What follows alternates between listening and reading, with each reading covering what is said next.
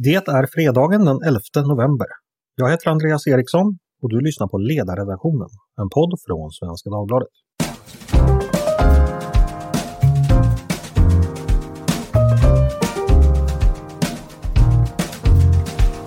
Varmt välkomna till oss på Svenska Dagbladets ledarredaktion.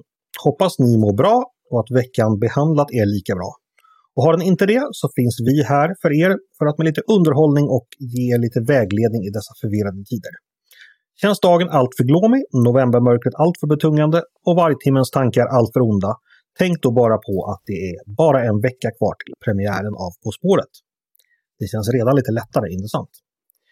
Det har hunnit bli Mårtensmässa. Eh, igår var det ju Mårtensafton och de populära och fryntliga delarna av landets befolkning var inbjudna till smäktande gåsamiddagar.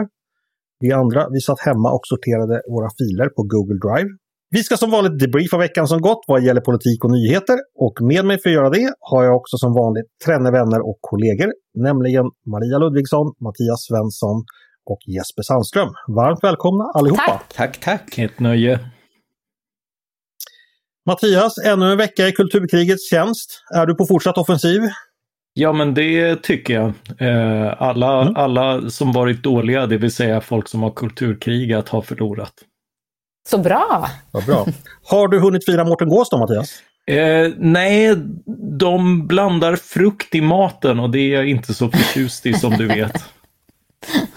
Ja, just ja. Vad är det för frukt de har i gåsen då? Ja, men det är en massa sånt där. Jag har tittat på det för det verkar ju fränt liksom, men... eh, Är det inte plommon och sånt? Ja, det är en massa sånt där. Äckligt. Mm, okej. Mia då, hur har din vecka Den har varit? varit bra. Jag har inte firat Mårten, men jag har firat Martin, min man. Det var hans Ja, namnsdag vad igår. Just det. Hur firar man då? Eh, I sus och dus. Mer vill jag inte säga. Det låter... Nej, det låter bra. Det Det låter fantasieggande, men vi vill stanna där. Eh, Jesper, vår producent, du är här som, som eh, gäst idag. Ja, Välkommen. tack så mycket. Har du en ond tvilling som heter Noper? Nej, det har jag inte. Det här flög över huvudet på mig.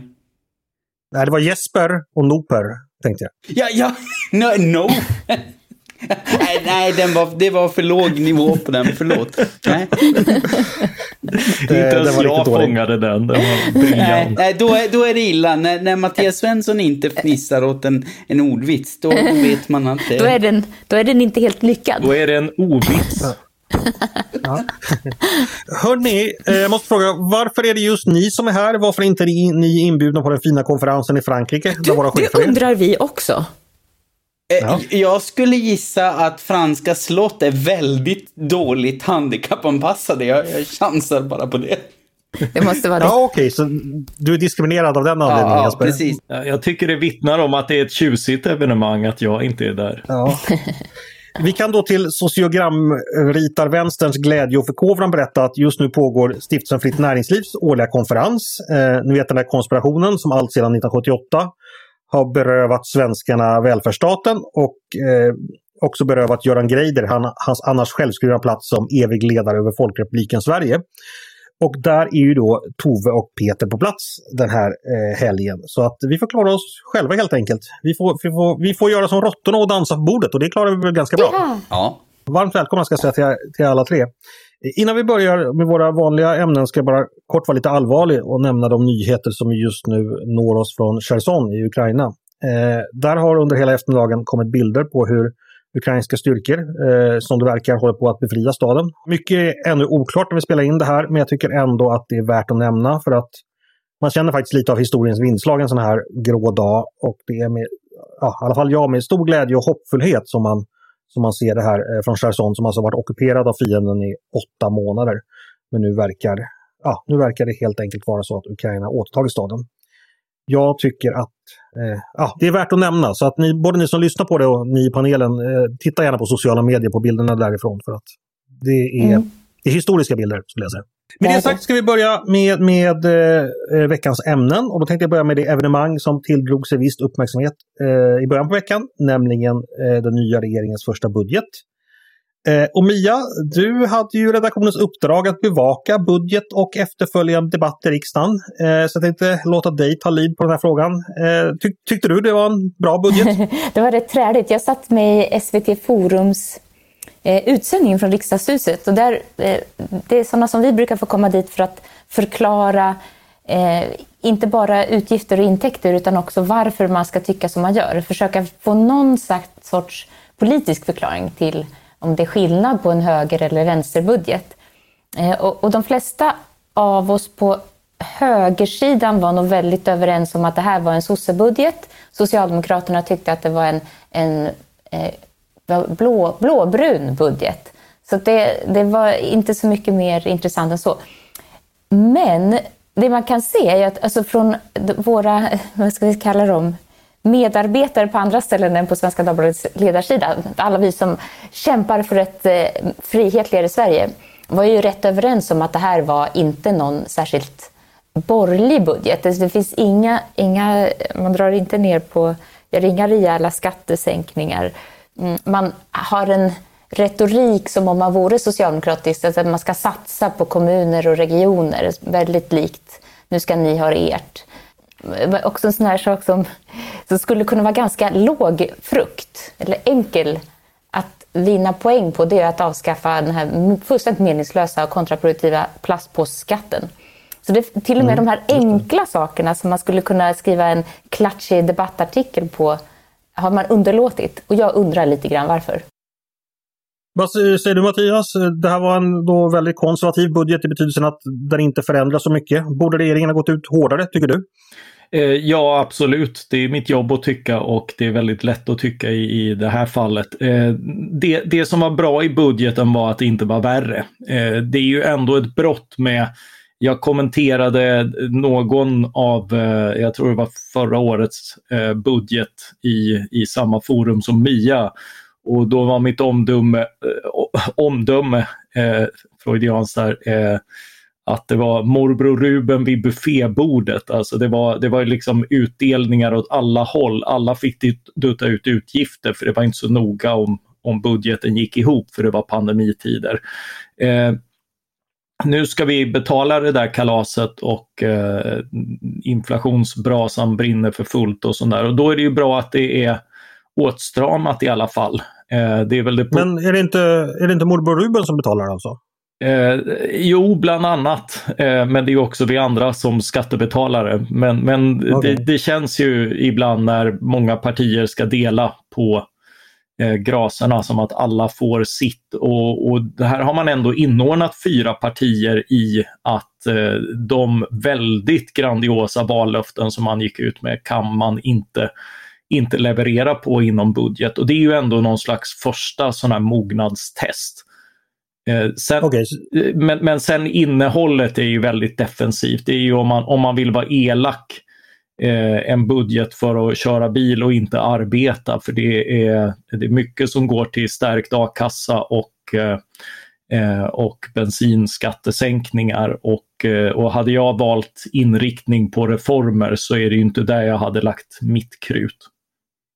Det var, det var ord och inga visor från morbror Mattias. Eh, vad säger du Jesper? Blev du överraskad av någonting i, i budgeten?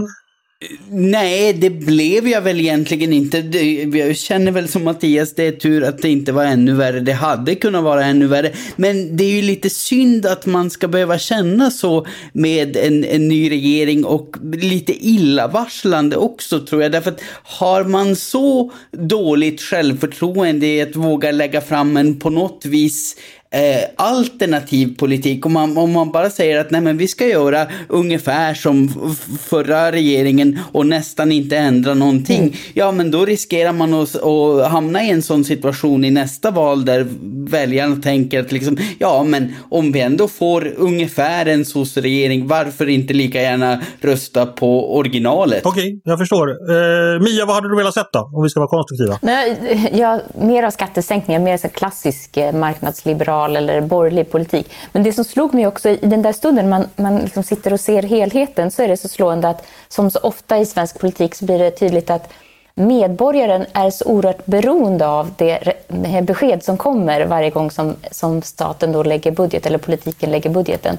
Och det i sig är Eh, ett tecken på att mycket mer behövde göras. Alltså, vi är till stor del beroende av vilka bidrag som delas ut, både till kommuner och, och regioner, men också till eh, privatpersoner. Och, alltså, eh, ett stor frågan var väldigt mycket också hur mycket får man till ja, det är a-kassa och det är till olika stödsystem. Så det, på något sätt blir det en ögonblicksbild av hur vi i Sverige är så oavsett om vi har arbete eller inte så är vi så beroende av vad som beslutas i budget. Det tycker jag är, det är inte ett gott samhälle. Om, om det var så att vi inte behövde bry oss om, om vi inte var så beroende av det de beslutar i riksdagen kring budget så hade det varit ett bättre Sverige. Gud vad dystert det var här. Här hade jag suttit och blivit lite hoppfull av befrielsen av Cherson och sen får pratar vi budgeten och paneldeltagarna tar ner mig på, på jorden verkligen. Eh, Mattias då, vad hade du velat se? Eh, jo men eh, precis som Mia säger, en, en målmedveten omfördelning från, eh, av makt från staten till medborgarna. Eh, det, det, är ju eh, det är svårt att få utrymme. Jag tycker ändå man har öppnat med sparandet på bistånd. Eh, man borde ha gått mycket mycket mer på den vägen att, att skära ner på utgifter i den stora eh, budgeten istället för att bara år från år ta för givet att varje verksamhet ska ha lika mycket som förra året. Eh, ja, helst det, mer. Eh, för det är ju liksom lite grann, det blir det här reformutrymmet man låser sig till, det är ju felräkningspengar i, i den stora budgeten och där skulle man kunna göra betydligt mer. Jag hoppas det kommer framöver. Men också sånt som, eh, som till exempel som vi har varit inne på, att, att göra något åt de enorma bostadsköerna och, och fel, felallokeringen på, eh, på hyresmarknaden. Eh, det, det, finns, det finns väldigt mycket att, att reformera inom ekonomin som, eh, som inte nödvändigtvis kostar pengar och, och där, där är det ju snarare så att det behöver, eh, behöver liksom sjösättas ganska tidigt för att, eh, för att man ska hinna med det under en mandatperiod. Men en reformering av hyresmarknaden behöver väl å andra sidan inte finnas med i budgeten? Nej, det, det är möjligt. Eh, men, men det ingår ju ändå i, i, i den finansiella strategin så jag hade, det hade varit ett läge att, eh, eh, att lansera det. Mm. Hörrni, jag blev lite förvånad över att det är sånt jäkla överskott på budgeten. Eh, 84 miljarder beräknas staten gå plus nästa år och då betalar vi ändå av ganska bra på, på statsskulden. Eh, varför är det så tror ni? Ja, eh, eh, det, det, är väl just den här eh, Alltså vi har ju inflation även i, i vad folk tjänar och sådär så, eh, så det kom väl in en hel del eh, sådana pengar. Och mm. dessutom, dessutom är, är det väl också en liten teknikalitet. Man har ju reserverat sig ett betydligt större överskott för framtida, framtida Eh, utgifter eller skattesänkningar om läget skulle bli värre. Jesper, vad säger du? Det är, är det så att vi har valt en borgerlig regering som inte är någon skattesänkarregering?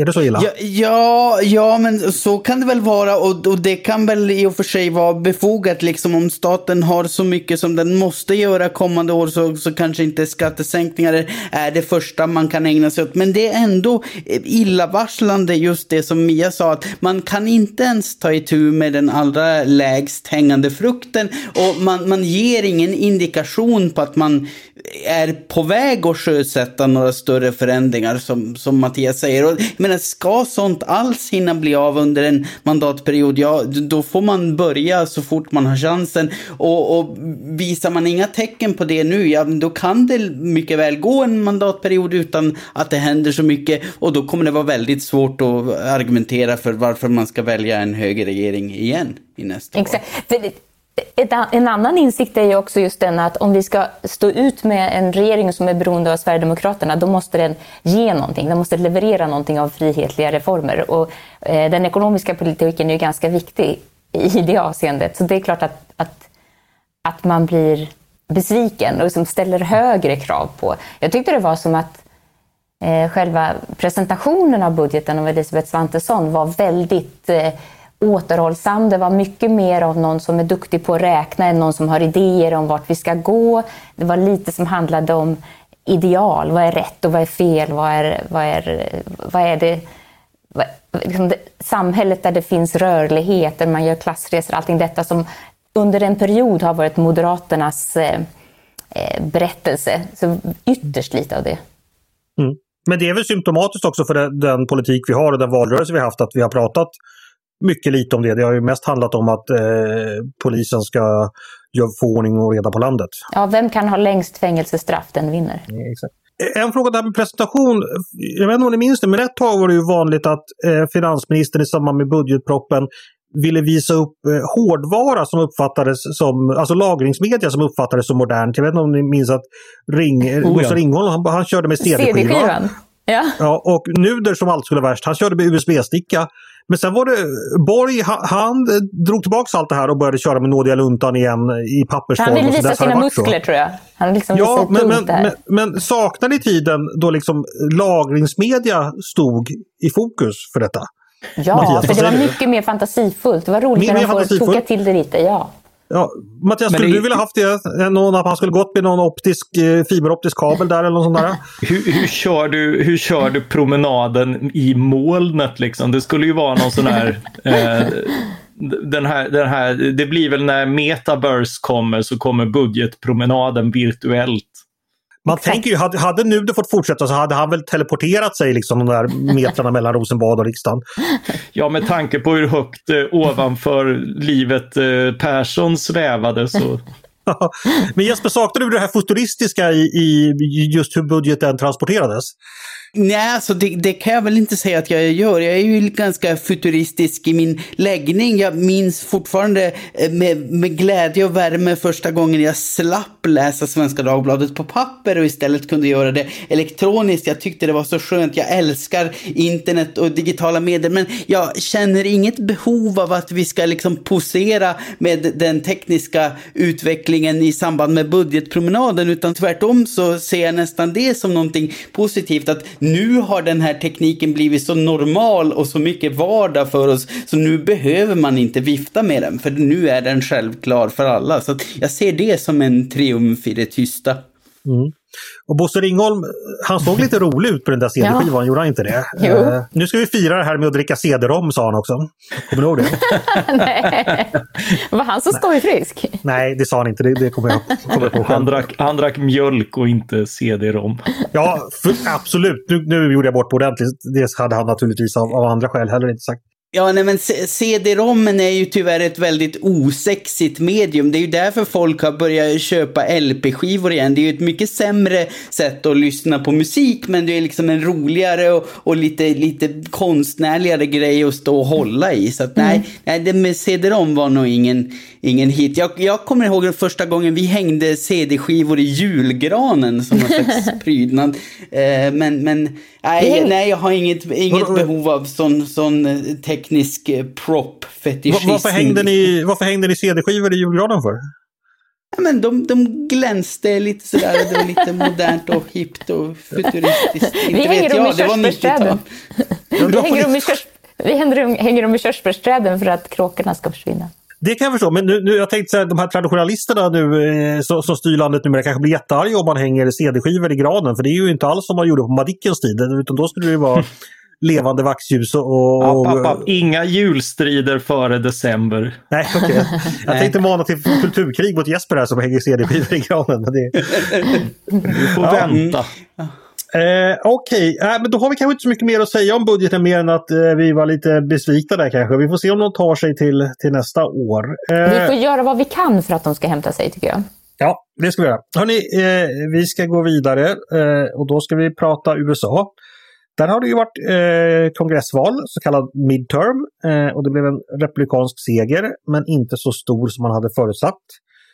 Eh, förutsagt. Eh, det här pratade vi om ganska utförligt i podden igår ska sägas. Så vill ni ha alla detaljerna och spaningarna om detta ska, ni, ska ni lyssna på det. Men anledningen till att jag nämner det är att Mattias, du har skrivit om USA i veckan eh, och då har du skrivit om eh, president Biden och hans ekonomiska politik. Det var nämligen så att eh, när han tillträdde så lät han med puker och trumpeter lansera en ekonomisk politik som var mycket expansiv för att sätta fart på landet efter pandemin. Eh, men Mattias, hur, hur gick det med det där egentligen? Ja, det gick som alla tidigare gånger eh, sen, eh, sen senaste finanskrisen och många gånger tidigare som, som man har försökt eh, blåsa upp ekonomin med finanspolitiska stimulanser. Att det är, det är ett oerhört överreklamerat sätt som alltid är politiskt smart. Det, varenda gång faller för det. är som Eh, nu vet jag att guldfiskar egentligen inte har så kort minne, men som den här bilden av guldfisken, att den liksom simmar runt sin skål och minns inte förra gången att den har varit på samma varv. Eh, varje gång blir journalister, akademiker och andra helt förtrollade av den här idén att nu ska vi ha stimulanser. Det var så under Barack Obama, det var Eh, om ni kommer ihåg i Japan, Abonomics. Eh, så fort någon stimulerar ordentligt så kommer förväntningar om att nu sätter det fart, nu händer det grejer. Och sen glömmer man helt bort att följa upp varje gång och det, det ger ju aldrig, eh, det, det, blir alltid liksom sådär att ja, ja om, om vi inte hade gjort det här hade det blivit ännu värre eller något, något halvkvädet. Men eh, Mattias, den, kan du inte bara börja från början? Vad var det Biden ville göra? Vad ville han åstadkomma och vad var det han gjorde konkret? Eh, det, var, det var ju ett antal investeringsprogram som då inte behövde finansieras eftersom, eftersom man eh, på olika sätt köpt den här teorin, och, moderna penningteorin om att eh, stater kan gå med underskott utan att det kostar någonting. Och, och, och så har det ju varit i lågräntesamhället att, att liksom, eh, rent, eh, rent eh, bokföringstekniskt så ser det inte ut att kosta någonting att, eh, att låna pengar. Så det var egentligen bara att tuta och köra och, och så har det ju varit för många men precis som när när man började deklarera en ny ekonomi kring millennieskiftet, när, när eh, balansräkningar var ute i företagen och sådär, för nu kom internet och ändrade alltihopa. Eh, så tenderar ju det där att komma tillbaka och det kom under eh, när Biden eh, tog det här liksom några steg längre. Eh, eh, till och med efter pandemin så skulle det stimuleras igång och Build Back Better och, och göras en massa eh, utgifter som kom ovanpå redan ofinansierade utgifter som Donald Trump hade stått för. För Republikanerna har också lärt sig älska det här läget under, under Donald Trump. Han vore ju en dålig populist om han inte älskade att kunna få någonting för, för ingenting och, och köpa röster utan att behöva finansiera dem. Vad blev resultatet då?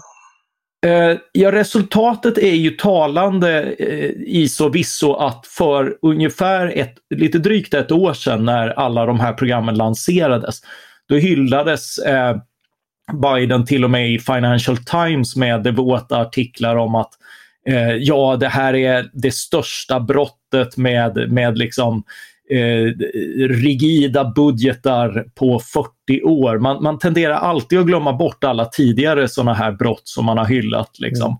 Mm. Eh, och eh, Mariana Mazzucato till exempel, en ekonom som har hyllat den här entreprenöriella staten. Eh, Eh, hon menar att det här kan vara en helig graal för statlig intervention, hur staten ska få ekonomin att växa. Eh, och i årets val så ville Demokraterna för liv och pina inte prata ekonomi. För vad var det som ett, hade hänt? Ett år senare så, så var det inte eh, hysteriskt att oroa sig för inflation därför att nu kom den till slut. Eh, och den drog in ordentligt och den beror förstås också på andra effekter men, men eh, frågan är inte om utan hur många procentenheter som faktiskt be beror på de här underfinansierade budgetarna som man, som man skickade ut i en redan överhettad ekonomi eh, med många flaskhalsar under, under pandemin. Okay. Så, så inflationen är delvis Bidens fel? Ja, Eh, och och det, har ju, det har ju varit eh, mycket med liksom det heter, heter Magda-priser i, eh, i, i, valrörelsen i Sverige och i, eh, eh, i Kanada har de det lustiga namnet Justinflation efter Justin Trudeau. Eh, och, eh, och Biden kan man inte riktigt göra en sån grej på men, eh, men det, finns, det säljs klistermärken som man klistrar på typ bensinpumpar. Uh, så att han pekar på priset och säger I did that. Jag frågar Mattias, eh, det här med penningpolitiskt har vi ju haft en eh, med låga räntor och liksom en expansiv politik i många, många år. Det har du ofta påpekat. Hur kommer det sig att det inte har satt sig på priserna riktigt förrän nu? Eller det, på bostadspriser och fastighetspriser har ju satt sig men inte på vanliga konsumentpriser. Varför är det så? Ja, det har, det har ju varit den, den stora frågan. Varför har det inte kommit där? Och, och, och svaret har ju varit att det kom på eh, tillgångspriser och bostadspriser. Det är inte så att vi inte har haft en skenande inflation, men den har inte nått konsumentpriserna. Mm. Eh, Varför inte? Och, eh, Ja, eh, den, den som formulerar den förklaringen eh, vinner förmodligen finare priser än, eh, än jag aspirerar på. Men, men, men det är ju eh, uppenbart att eh, penningpolitiken inte har den direkta koppling till eh, till liksom den reala politiken som, som modellerna har antagit. Mm. Eh, valet i USA då, är det någon som känner för att säga någonting om det? Det har ju av vissa förståsigpåare har det sett som slutet på eh, Trumps period eller dominerande period. Eh, tror ni att det är så väl? Vad säger du Mia? Precis som alla andra, jag hoppas verkligen det. Mm. Men vi vet inte förstås. Nej, men jag, jag tror att det är ganska naturligt att man blir matt av en sådan eh, politisk stämning. Alltså man kan lockas av det en stund, men, men även om man är liksom en väldigt uppumpad kille med pickup truck och make America great again keps, så måste man tröttna efter en stund. För det har varit så tomt och innehållslöst och bröligt och, och det, det ser man nog till sist, även om man är en sån som gärna klär ut sig till shaman och stormar Kapitolium mm. om man har tråkigt. Vi kan säga det att när vi pratade i, i podden igår om detta var det ju så att väljarna så att säga hade, eh, var då i alla fall Jan-Erik Larsson, en av mina gästers slutsats. Väljarna har gått vidare lite från det här. De är intresserade av den egna plånboken, av vanliga politiska frågor.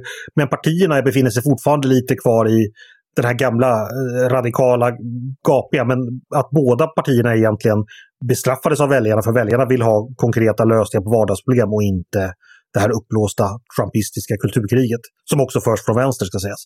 Vad tror ni om det? Jag har ju en text om detta i helgen eh, där jag konstaterar just det här. Det, eh, jag har inte hunnit lyssna på podden igår men jag hör att det är ganska, gör ganska liknande analyser. Att det, var, eh, det var ju ett välförtjänt nederlag för båda partierna. Båda blev besvikna och USA har ju den fördelen i sitt system att, att man får sån här gridlock, att, att du har en exekutiv med, från ett parti och eh, eh och eh, valda församlingar där, där det andra partiet får majoritet. Eh, och, eh, och det är lite grann ett, ett nederlag för båda partierna. Och, eh, och, och, det var dessutom så att, jag menar, Demokraterna fick ju stor pisk i just ekonomiska frågor på grund av sin slösaktiga politik.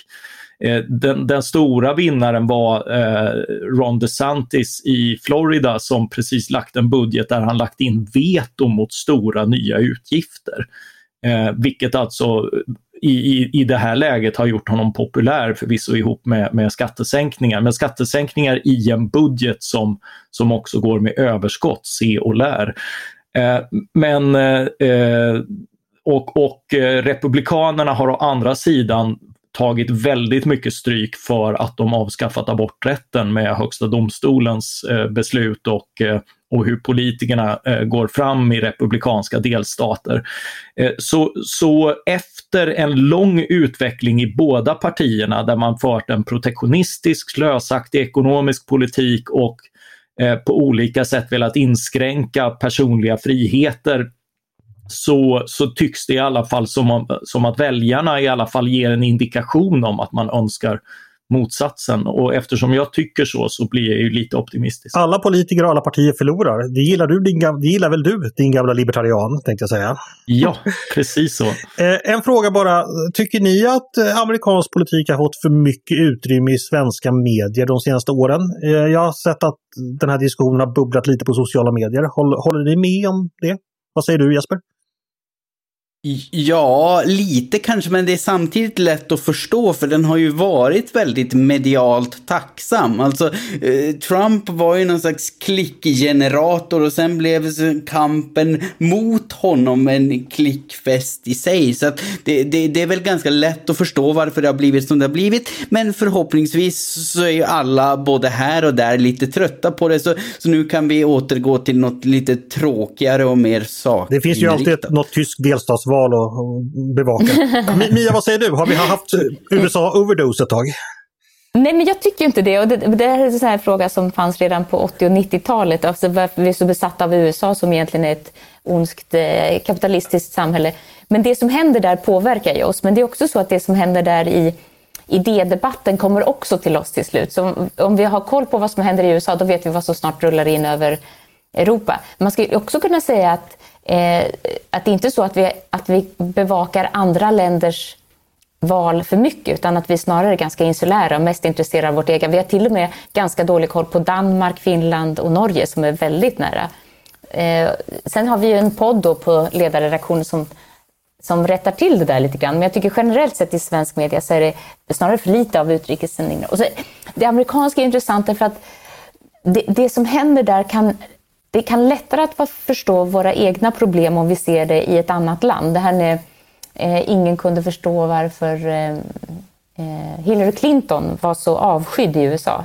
Men det var, hade man kunnat förklara det i Sverige på ett, på ett riktigt sätt, då hade vi också kunnat förstå varför man även här får en, eh, vad ska jag säga, en, en anti-elitistisk, eller att man är emot en sorts överhet som har tagit sig rättigheter och då kommer ett missnöjesparti som kan sätta in sin kritik mot detta. Så att förstå vad som händer där, det kommer göra det lättare att också förstå vad som händer här. Jag håller helt med Mia här. Alltså jag tycker absolut inte att vi ska ha mindre bevakning av USA generellt. För det som händer där, det påverkar oss väldigt mycket. Och just som hon säger, det, om vi förstår USA bättre kan vi också förstå oss själva bättre. Men jag tror att den, den överdos som har funnits i, i den mån folk nu har upplevt en sån, det har liksom inte varit en överdos av eh, initierade försök att förstå amerikansk politik, utan det har varit en överdos av att sitta och bröla åt de teatrala spektaklerna där borta. En som också råder bot på det, det är ju faktiskt vår Malin Ekman som skriver i, från eh, skriver från USA. Hon gör det väldigt bra. Henne kan man också läsa. Det var, det var ju också inne, där tycker jag mig notera en viss, det är, det är inte samma eh, hets på eh, folk som är väldigt engagerade i det amerikanska valet som det var för ett antal år sedan. Jag vet, du Eh, när, när du skulle göra din podd Andreas så var det ett par sådana här säkra go-to-kort som inte hade haft tid att följa längre. Och det, det, det är väl talande för... Ja, eh, det, det, är väl talande för att jag, jag, jag, tror att det har pikat men, eh, men som ni är inne på, de här, både de politiska och intellektuella trenderna tenderar att komma hit. Så, mm. eh, så man kan lika gärna vara förberedd. Men, men ett underskott på initierat eh, material finns ju alltid. Eh, vi får se hur det blir med det. Det kan ju ha att göra med vad som händer i USA också, hur intressant vi tycker det är. Eh, här lämnar jag dock USA till sitt öde så länge eh, och går vidare. Och det har faktiskt blivit dags för mitt favoritmoment, det som heter Svar direkt, då jag brukar stresstesta våra ledarskribenters politiska reflexer och förmåga att snabbt som attan skilja sant från falskt, gott från ont och rätt från orätt. Det går helt enkelt till så att jag medelst eh, en serverretur från Boris Becker i högform smäller på med ett aktuellt förslag som lagts under veckan och dunkar ner den på baslinjen framför fötterna på mina kollegor. Och de får göra vad de kan för att försöka returnera. Eh, svaret ska vara kort, det ska vara ja eller nej, det ska vara för eller emot och snabbt ska det gå. Det ska helt enkelt vara svar direkt. Är ni med? Ja. ja. Härligt. Då kommer vi tillbaks till USA direkt. Det är nämligen så att utbildningsminister... ja, ja, ja. ja, vänta lite. Utbildningsminister Mats Persson, han vill undersöka i vilken grad som cancelkultur eller tystnad och utpekande kultur finns på våra svenska lärosäten. Detta efter att TV4s Kalla fakta har granskat bland annat ett fall på Konstfack då en professor blev angripen av sina kollegor efter att hon kritiserat en grupp studenter som ville byta namn på en, eh, på en lokal på Konstfack. Det har du säkert hört talas om. Eh, Vita havet ansågs vara ett rasistiskt namn.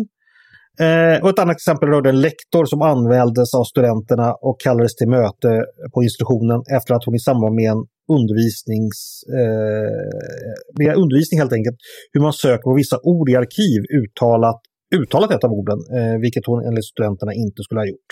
Har ni säkert också hört talas om. Fruktansvärt. Eh, Ja, alltså dessa exempel har då fått utbildningsministern att reagera och nu vill han undersöka hur vanligt det här är.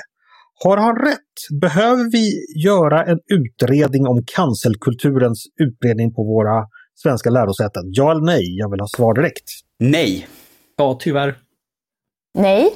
Eh, Okej, okay, då var Mattias eh, ensam minoritet där. Varför tycker du det? Eh, därför att eh, universiteten är ett offentligt ansvar och, eh, och det här är ett ett, ett styrelseproblem. Däremot bör man vara väldigt försiktig innan man går in och reglerar sånt här. Men att, äh, att, att skaffa sig en översikt är inte fel. Det tycker Jesper är fel. Varför det? Ja, det är kanske inte nödvändigtvis fel att skaffa sig en översikt, men jag ställer mig tveksam, givet de här två exemplen du tar upp, eh, så ställer jag mig tveksam till om det behövs. Därför att jag tror att cancelkultur i den mån den är problematisk och, och, väldigt dum på det sätt som den är i just de här två exemplen, så uppmärksammas den också väldigt fort. Det, det blir en väldigt stor medial kontrovers. Det blir tydligt om sån här problematik finns. Så jag, jag vet inte om det behövs en särskild utredning för att belysa den. Det tror jag inte, givet hur debatten har gått hittills. Okej, okay. du tänker att vi har ett självreglerande system där idiotier uppmärksammas helt enkelt?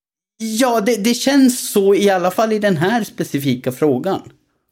Okej. Okay. Vi skriver ju om det en hel del. Mm, det gör vi rätt i. Ja, eh, då går vi vidare. Eh... Nej, jag vill också svara. Ja, okej. Okay. Låt, låt höra då. jag håller med Jesper. Nej, men just detta, det är ett otyg det de håller på med, men det är också ett otyg när staten börjar gå in och kolla vad de håller på med på universiteten och ska styra upp professorer och lärare. Mm, Okej, okay. så eh, ett otyg tar inte bort ett annat otyg helt enkelt? Nej. Utan skapar två, två, otyg. otyg? Jag är rädd att det spårar ur på precis det här sättet eh, Mattias varnade för, att man ska gå in och styra. Mm. Det, är klart, det är klart att staten ska hålla koll på, på universiteten som ju ändå är en del av deras verksamhet så att säga. Men i just det här så är jag tveksam till om det behöver utredas särskilt. Jag tror att det uppmärksammas erforderligt mm. ändå. Vi får se. Eh, vi går vidare. Eh, regeringen vill ju som bekant slopa fri entré för vuxna på de statliga museerna. Detta gäller bland annat Nationalmuseum och Moderna Museet. Eh, på så sätt ska man spara in ungefär 100 miljoner kronor. Eh, vad tycker vi om detta? Är det rätt eller fel att slopa fri entré? Jag vill ha svar direkt. Rätt. Rätt. Rätt. Där var vi unisona. Eh, vem vill föra talan här för denna enighet? Ska Mia börja?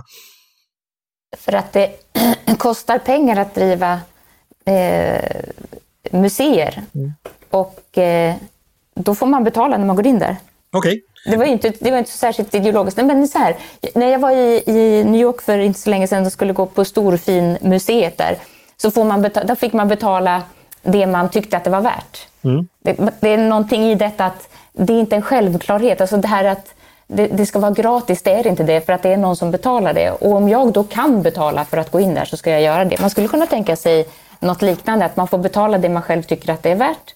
Ja, men ni vet att entréavgifterna täcker ju inte alls museernas kostnader. Staten finansierar dem Nej, med massor med pengar. Exakt. Ändå. Ja, men det är också det som är gratis sätter man inte pris på på samma sätt. Man värdesätter det inte och det här har ett värde i sig. Okej. Okay. Jesper, då blir än värre. Borde entréavgifter helt och hållet täcka kostnaderna för museum? Att staten helt ska dra bort sin finansiering? Det tycker ju förstås jag som den ondsinta libertarian jag är. Eh, för jag, jag, tror att om vi har ett samhälle där vi litar på folk att ta långtgående demokratiska beslut om egna och andra människors liv, då måste vi också kunna lita på att de kan välja sin egen kulturkonsumtion. Så att jag tycker att det är det rimliga målet att sträva emot. Inte, naturligtvis inte för att jag tycker illa om museer eller kultur, utan för att jag tycker att alla och envar ska ha full makt över vad de vill betala för. För det får de ju göra ändå, antingen av egen fri vilja eller via skattsedeln. Mm. Mycket bra, mycket, mycket eh, ideologiskt. Ja, jag skulle vilja invända det. Jag, jag, tror att det är en dålig affärsmodell att avgiftsfinansiera eh, den här sortens verksamhet. Därför att väldigt mycket handlar om att att, att göra det tillgängligt, att få en genomströmning. Så, så just att finansiera det, om inte med offentliga, men ändå eh, tunga donationer och att, och att man den vägen står för, står för huvud, den huvudsakliga finansieringen av något man vill ha brett tillgängligt. Det, det, det, tror jag är den bästa, eh, den, den, bästa modellen. Och sen om staten ska stå för det eller inte, det är väl, det är väl mer tveksamt. Precis, jag får nyansera mig själv här för att jag håller naturligtvis med Mattias. Det viktiga för mig är inte att entréavgifter skulle betala, eh, finansiera museerna helt och hållet, utan att de finansieras på frivillig och inte statligt organiserad väg. Det är där skon klämmer för mig. Stort tack för dessa blixtsnabba slutledningar. Eh, ni som drömmer om att en dag själva bli ledarskribenter och tycka om allt.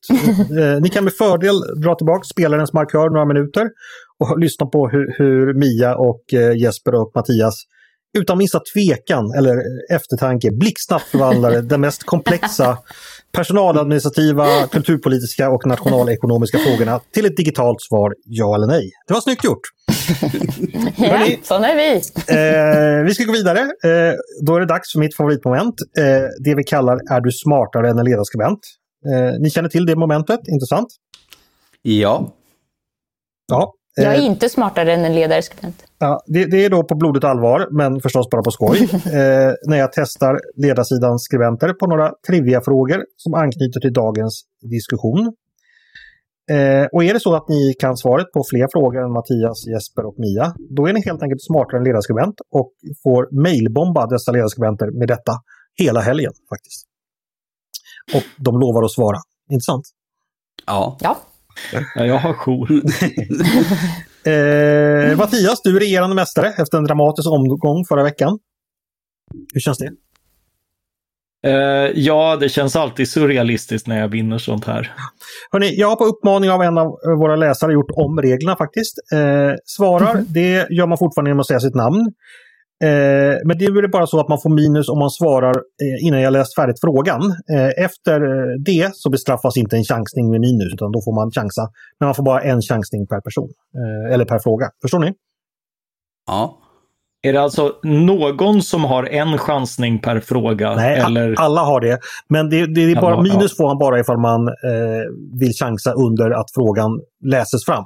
Du förstår vad jag menar fler dumma svar åt folket Exakt. helt enkelt. Så det... Hörni, eh, vi utgår som vanligt från helgonkalendern och som vi kunde konstatera i början så är det ju Mårtensmässa idag efter den heliga Martin. Som då är förstås dagens ämne. Eh, så första frågan lyder helt enkelt vilken Martin gjorde precis i dagarna sin riksdagsdebut för Liberalerna som ersättare för den föräldraledige Joa Forsell? Mattias. Ja, Mattias, låt höra. Heter han Marmgren? Nej, det heter han inte. Då har du din chans, ja. din gissning gått bort. Ja. Det här trodde jag ni skulle kunna. Det är nämligen den gamla Robinson-stjärnan Martin Melin som har gjort debut för Liberalerna. Så var det ja. Va? Känner du inte till det? Det jag visste. Nej. Nej. Nej. Och jag vill inte veta heller. Gå vidare. Okej. Hörni, eh, vilken Martin var USAs åttonde president och enligt Kramer i Seinfeld inspiratör och andlig ledare till ett street gang som var just as mean as he was? Jag söker alltså namnet på USAs åttonde president. Martin i förnamn. Jesper? Ja, låt höra. Martin Van Buren?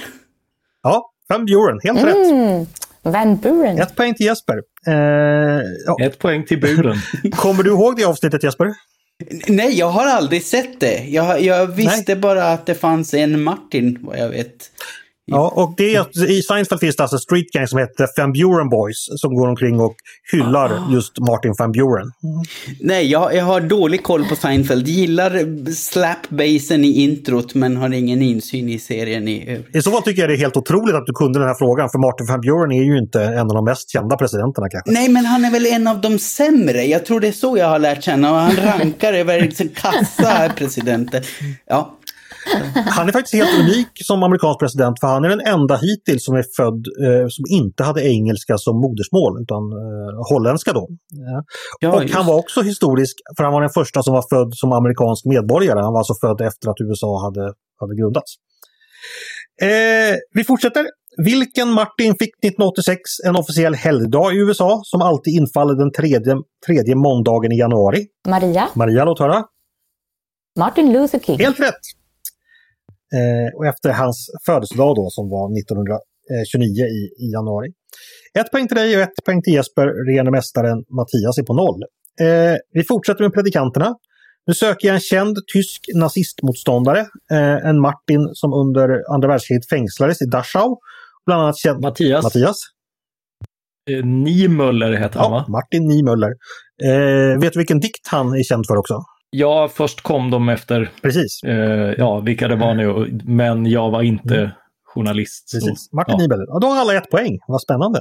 Hörni, en annan Martin som också var med i andra världskriget stod på andra sidan som Niemöller. En person som var i Hitlers närmaste krets. Blev utnämnd till fyrens ställföreträdare efter att Rudolf Hess hade flugit till Storbritannien 1941. Han dömdes till döden i Nürnberg men var då försvunnen och dog förmodligen under oklara omständigheter i samband med flykten från Berlin i maj 1945. Vilken Martin söker jag då? Nu är det tyst. Inga chansningar.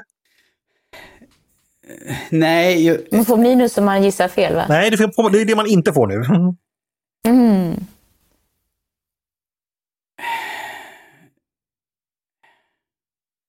nej. Nej, det är Martin Bormann Nej, det är tomt. Ja. Hörni, Herr Borman. eh, herr. Mera Martin. Eh, då söker jag efternamn på en Martin som är amerikansk regissör, känd bland annat för Taxi Driver, Goodfellas och Gangs. Jesper. Maria! Jesper var först. Ja, rätt. Jesper har två poäng, övriga ett poäng. Eh, Martin Sheen spelar amerikansk president i en populär och väldigt dålig tv-serie. Vad heter den? Je- Maria Maria? Ludvigsson. Maria Ludvigsson? West, West Wing. Fy fan, usch, nämn den inte. Nej, jag gillar ju den. Alltså, okej, ja. Eh, då har du också... Jag gillar avsnittet med Penn och Teller. Alltså, vad, När de bränner den amerikanska flaggan. Ja, Okej. Eh, Mia, då har du också ett, eh, två poäng, Jesper har två poäng och eh, Mattias är kvar på ett poäng. Martin kommer av guden Mars som på många romanska språk gett upphov till namnet på eh, tisdagen. Men vår egen tisdag är uppkallad efter vår nordiska krigsgud. Motsvarighet till Mars. Vad hette hen? Eh, Mattias. Matti, Mattias var först. Tyr. Yr! Fantastiskt, då har alla två Aha. poäng. Eh, då så ska vi gå in på den sista frågan. Då söker jag en mm, person som heter Martin i efternamn faktiskt. Den kända, och söker ett förnamn då på den kända Mad-tecknaren, eh, känd för sina speciella gubbar med stora hakor. Mattias. Mattias? Don Martin. Don Martin, helt rätt. Då har vi bara en enda fråga kvar och eh, då måste ni komma närmare än eh, Mattias för att vinna detta. Och då får man då, eh, ja, man får gissa som man vill. Mattias får gissa först eftersom han leder. Jag söker medelåldern på kvinnor som heter Martina som tilltalsnamn i Sverige. Men gud. Vad roligt. Eh, Martina. Ma- ma- eh, Martin. 37 säger jag. Mattias säger 37, får ni andra gissa? Jaha, att hon, de är Ja. 37. Eh, Säg, då säger jag 41. 41. Jesper? eh, 33. Det är Mattias som tar hem det här, det nämligen 37,6. Så att, eh, snyggt, det kunde du veta. Snyggt Mattias, du var regerande mästare, eller du är mästare för andra helgen på raken. Fantastiskt! Ja, ja det, det här, vi lever i underliga tider. Men det passar ju dig ganska bra här. Du fick eh, Don Martin, är du en gammal medläsare? Oh ja. Och sen vad var det mer du kunde? Eh, ja, Tyr kunde du också. Det var ju starkt. Ja, jo, eh, jag är ju gammal läsare av serietidningen Valhall av Peter Madsen. Och ni Möller då, hur, hur kunde du det? Jo, men det kan ju alla. Ja. Ja. Ja, säger du lite kaxigt nu. Oh, Jo, ja. jo, men, jo, men den, den, den, har, den, eh, den först kom de efter har man, ju, har man ju kört ett antal gånger så här under alla nu kommer 30-talets diskussioner. Ja. Den var väldigt populär också på Lunarstorm, det första sociala mediet som folk i min generation var aktiva på. Så att Vadå, citerade att folk många- ni Möller på Lunarstorm? Ja, det gjorde de. Jaha. Just, just den där dikten då förstås. De hade nog ingen koll på honom i övrigt. Men... Grejen jag gjorde lite research innan här, det är lite oklart exakt när och faktiskt om Niemöller skrev det där. För det finns lite olika versioner och den har publicerats. Ja, eh, ja, att han skrivit något liknande, det vet man, men exakt vilka grupper det var med och sådär, det, det verkar inte helt klart enligt Wikipedia-sidan där. Liksom. Så att, eh, ja, det finns en viss mystik över, över detta. Det är som Voltaire och Bastiat. Ja, precis. Det är, där. är man tillräckligt känd så får man alltid fina citat tillskrivna sig. Eller Churchill, han har ju också massa citat, men lite oklart. Men, men Niemöller, exakt vilka grupper det var och vilken ordning de kom i, det, det, det vet man inte, inte riktigt. Hörni, vad trevligt det var eh, att ha er med. Eh, är det någon som har någonting att, att tillägga eller känner vi oss nöjda för, med dagen och podden? Ja, jag är ju mycket nöjd. Du är mycket nöjd. Och det är den, jag lika Det är många ettor idag. Elfte i elfte. Det är den elfte elfte, precis. Ja, men stort tack då Jesper och Mattias och Mia för att ni kom och eh, poddade med mig idag. Tack! Tack själv! Och tack till er som har lyssnat också på Ledarredaktionen, en podd från Svenska Dagbladet. Ni är varmt välkomna att höra av er till oss på redaktionen med tankar och synpunkter på det vi precis har diskuterat. Nu sa jag fel som jag gjorde förr. förr. Det jag menade var tankar och synpunkter på det vi precis har diskuterat. Eller om ni har idéer och förslag på det vi ska ta upp i framtiden. Maila då bara oss på ledarsidan snabel svd.se. Dagens producent, tillika paneldeltagare, han heter Jesper Sandström. Jag heter Andreas Eriksson och jag hoppas att vi hörs igen snart.